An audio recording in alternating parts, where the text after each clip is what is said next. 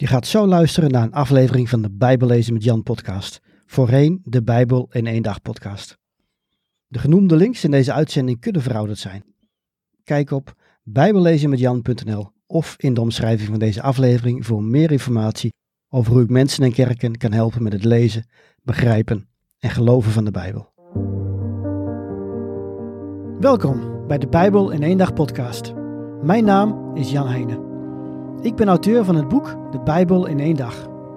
Ik geloof dat de Bijbel Gods woord is en dat we allemaal deel uitmaken van zijn verhaal. De Bijbel is ook een vreemd boek soms. Ik help christenen de Bijbel te lezen, te begrijpen en te geloven.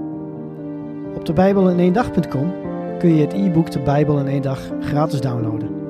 Ook kun je de paperback bestellen of je inschrijven voor een van mijn cursussen of seminars. Oké, laten we met de aflevering beginnen.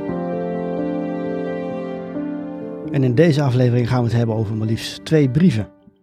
We beginnen met de brief die Paulus schreef aan Titus. Evenals Timotheus was Titus een trouwe medewerker van Paulus. Hij reisde mee met de apostel tijdens zijn tweede en derde zendingsreis en voerde regelmatig opdrachten voor hem uit. Een van die opdrachten was het leiden van de kerk op het Griekse Kreta. Dit eiland ligt in de Middellandse Zee en was vanwege al het scheepverkeer een zeer strategische plek voor het verspreiden van het evangelie. Als mensen niet tot geloof kwamen en later verder trokken of terugkeerden naar hun eigen land, namen ze het goede nieuws met zich mee. Maar Kreta was ook een uitdagende plek om te werken. Geweld en seksuele losbandigheid waren aan de orde van de dag. Inwoners van Kreta stonden bekend om hun leugenachtige gedrag en hun hebzucht. En veel mannen waren bovendien huursoldaten. Titus moet het zwaar hebben gehad. Waarschijnlijk stuurde hij Paulus een verslag van hoe het ging. Paulus was net vrijgesproken in Rome en had zijn werk als zendeling weer hervat. Hij bevond zich waarschijnlijk in Korinthe of in Nicopolis en schreef zijn brief aan Titus ergens tussen de jaren 62 en 64. Het doel was om zijn assistent moed te spreken en oplossingen aan te reiken. We weten niet precies wat er aan de hand was, maar het lijkt erop dat een corrupte groep mensen een negatieve invloed had op de kerk. Vervang deze leiders door mensen met een onberispelijk gedrag, geeft Paulus mee aan Titus. Paulus zoekt hier geen mensen met een brandschoon verleden, want alleen Jezus is altijd zonder zonde geweest. Maar Paulus wil alleen leiders hebben wiens levens radicaal zijn veranderd door het evangelie.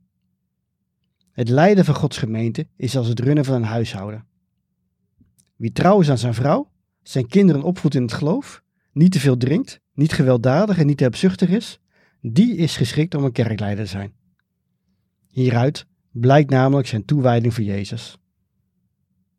Veel van deze foute leiders blijken Joodse gelovigen te zijn. Zij dringen er bij de niet-Joden op aan dat ze zich laten besnijden en ook de andere wetten uit het Oude Testament moeten ze volgen. Alleen dan kun je bij Jezus horen, zeggen ze. Maar Titus moet hen de mond snoeren. Ook omdat deze mensen vooral op geldelijk winst uit zijn. Titus krijgt daarom de instructie om de christenen te onderwijzen welke levensstijl gepast is. Leef sober en integer, met de liefde als fundament. Doe het kwade niet, maar doe het goede. Richt je op God, niet op wereldlijke verlangens. Dat is waar het op neerkomt. De beloning komt vanzelf. Op een dag komt Jezus terug. De Messias die ons heeft vrijgekocht door zijn eigen leven te geven. Waarom deze focus op hoe we moeten leven? In Paulus' brieven, maar ook in alle andere Bijbelboeken, zien we dat God wil dat wij anders zijn. In Gods koninkrijk zijn de waarden en normen anders dan in de wereld. De christenen op Kreta moeten door een levensstijl laten zien wie Christus is. De vrede, rust en zekerheid die zij ervaren, moeten niet-gelovigen jaloers maken. Oftewel in de woorden van Paulus, Gods genade is openbaar geworden tot redding van alle mensen. Ze leert ons dat we goddeloze en wereldse begeerten moeten afwijzen en bezonnen, rechtvaardig en vroom in deze wereld moeten leven, in afwachting van het geluk waarop wij hopen. De verschijning van de majesteit van de grote God en van onze redder, Jezus Christus. Dit lees je in Titus 2, de versen 11 tot en met 13. Tot zover de brief aan Titus. Dan een andere belangrijke brief, de brief van Filemon. Filemon was een rijke man uit de stad Colosse. Hij had een groot huis waar de christenen regelmatig samenkwamen voor bijbelstudie en gebed. Hij is waarschijnlijk tot geloof gekomen in de tijd dat Paulus in Efeze werkte en raakte bevriend met de apostel. Als rijke man bezat Filemon ook slaven. Dat is op het eerste gezicht best gek. Hoe kan een christen een ander mens onderdrukken? Dat mag natuurlijk niet. Laten we daarom naar de context kijken. In het Romeinse Rijk bestond ongeveer een derde van de bevolking uit slaven. Zij waren handelswaar. Je kon ze bezitten en verkopen. Een slaaf kon zichzelf ook vrijkopen. Vanaf het jaar 20 na Christus hadden slaven in het Romeinse Rijk bovendien recht op een rechtszaak als hun onrecht werd aangedaan. Sommige slaven hadden een goede meester en raakten er zelfs mee bevriend, terwijl anderen om het minste of geringste werden mishandeld. Waarom veroordeelt de Bijbel slavernij niet? Stel dat Jezus en later Petrus, Paulus en de anderen hier een belangrijk punt van zouden hebben gemaakt. Dan waren er slavenopstanden gekomen die de Romeinen bloedig zouden neerslaan. Het christendom zou dan draaien om sociale kwesties als vrijheid, gelijkheid en aards geluk. Die kwesties zijn belangrijk, maar niet het belangrijkste. Zoals we hebben gezien, gaat het in het Koninkrijk van God in de kern om het herstel van onze relatie met God. Deze relatie werd gebroken in de Hof van Eden door Adam en Eva. Maar Jezus heeft dit weer gerepareerd en dat moet de wereld weten. De Bijbel laat zien dat een van de manieren om het evangelie te verspreiden is door anders met je slaven om te gaan. Zij mogen niet worden onderdrukt, maar moeten als gelijk worden behandeld. Belangrijker nog, als broeders en zusters in Christus. Op hun beurt mogen slaven niet opeens neerkijken op hun eigenaren.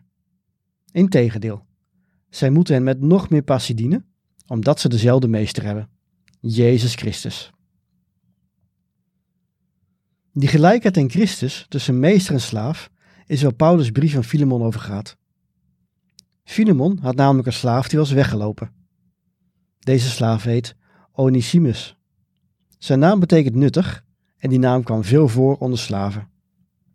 Waarschijnlijk heeft deze slaaf iets van Filemon gestolen en is hij toen gevlucht naar Rome. Daar woonde een groot aantal slaven zonder eigenaar. Op de een of andere manier is hij met Paulus in contact gekomen. In zijn brief noemt Paulus hem mijn kind. Hij heeft hem dus tot geloof in Jezus geleid. Paulus bevindt zich op het moment van schrijven onder huisarrest en deze slaaf was erg nuttig voor hem. Toch wist Paulus dat deze twee mannen hun conflict moesten bijleggen. Want hoe kunnen twee christenen zo in onmin elkaar leven? Daarom stuurt Paulus Onesimus terug naar Colosse samen met Tychicus, die ook de brief van de Colossense meeneemt. In zijn brief aan Filemon doet Paulus een klemmend beroep op Filemon om Onesimus niet te straffen, maar hem terug aan te nemen. Niet als een slaaf, maar als een broeder. Paulus zegt: Voor mij is hij dat al. Hoeveel te meer moet hij dus voor u zijn, zowel in het dagelijks leven als in het geloof in de Heer. Dus, als u met mij verbonden bent, ontvang hem dan zoals u mij zou ontvangen. En mocht hij u hebben benadeeld of u iets schuldig zijn, breng het mij dan in rekening. Ik, Paulus, schrijf hier eigenhandig neer dat ik u zal betalen. Ik ga er dan maar aan voorbij dat u mij uw eigen leven schuldig bent. Filemon 1, de versen 16 tot en met 19.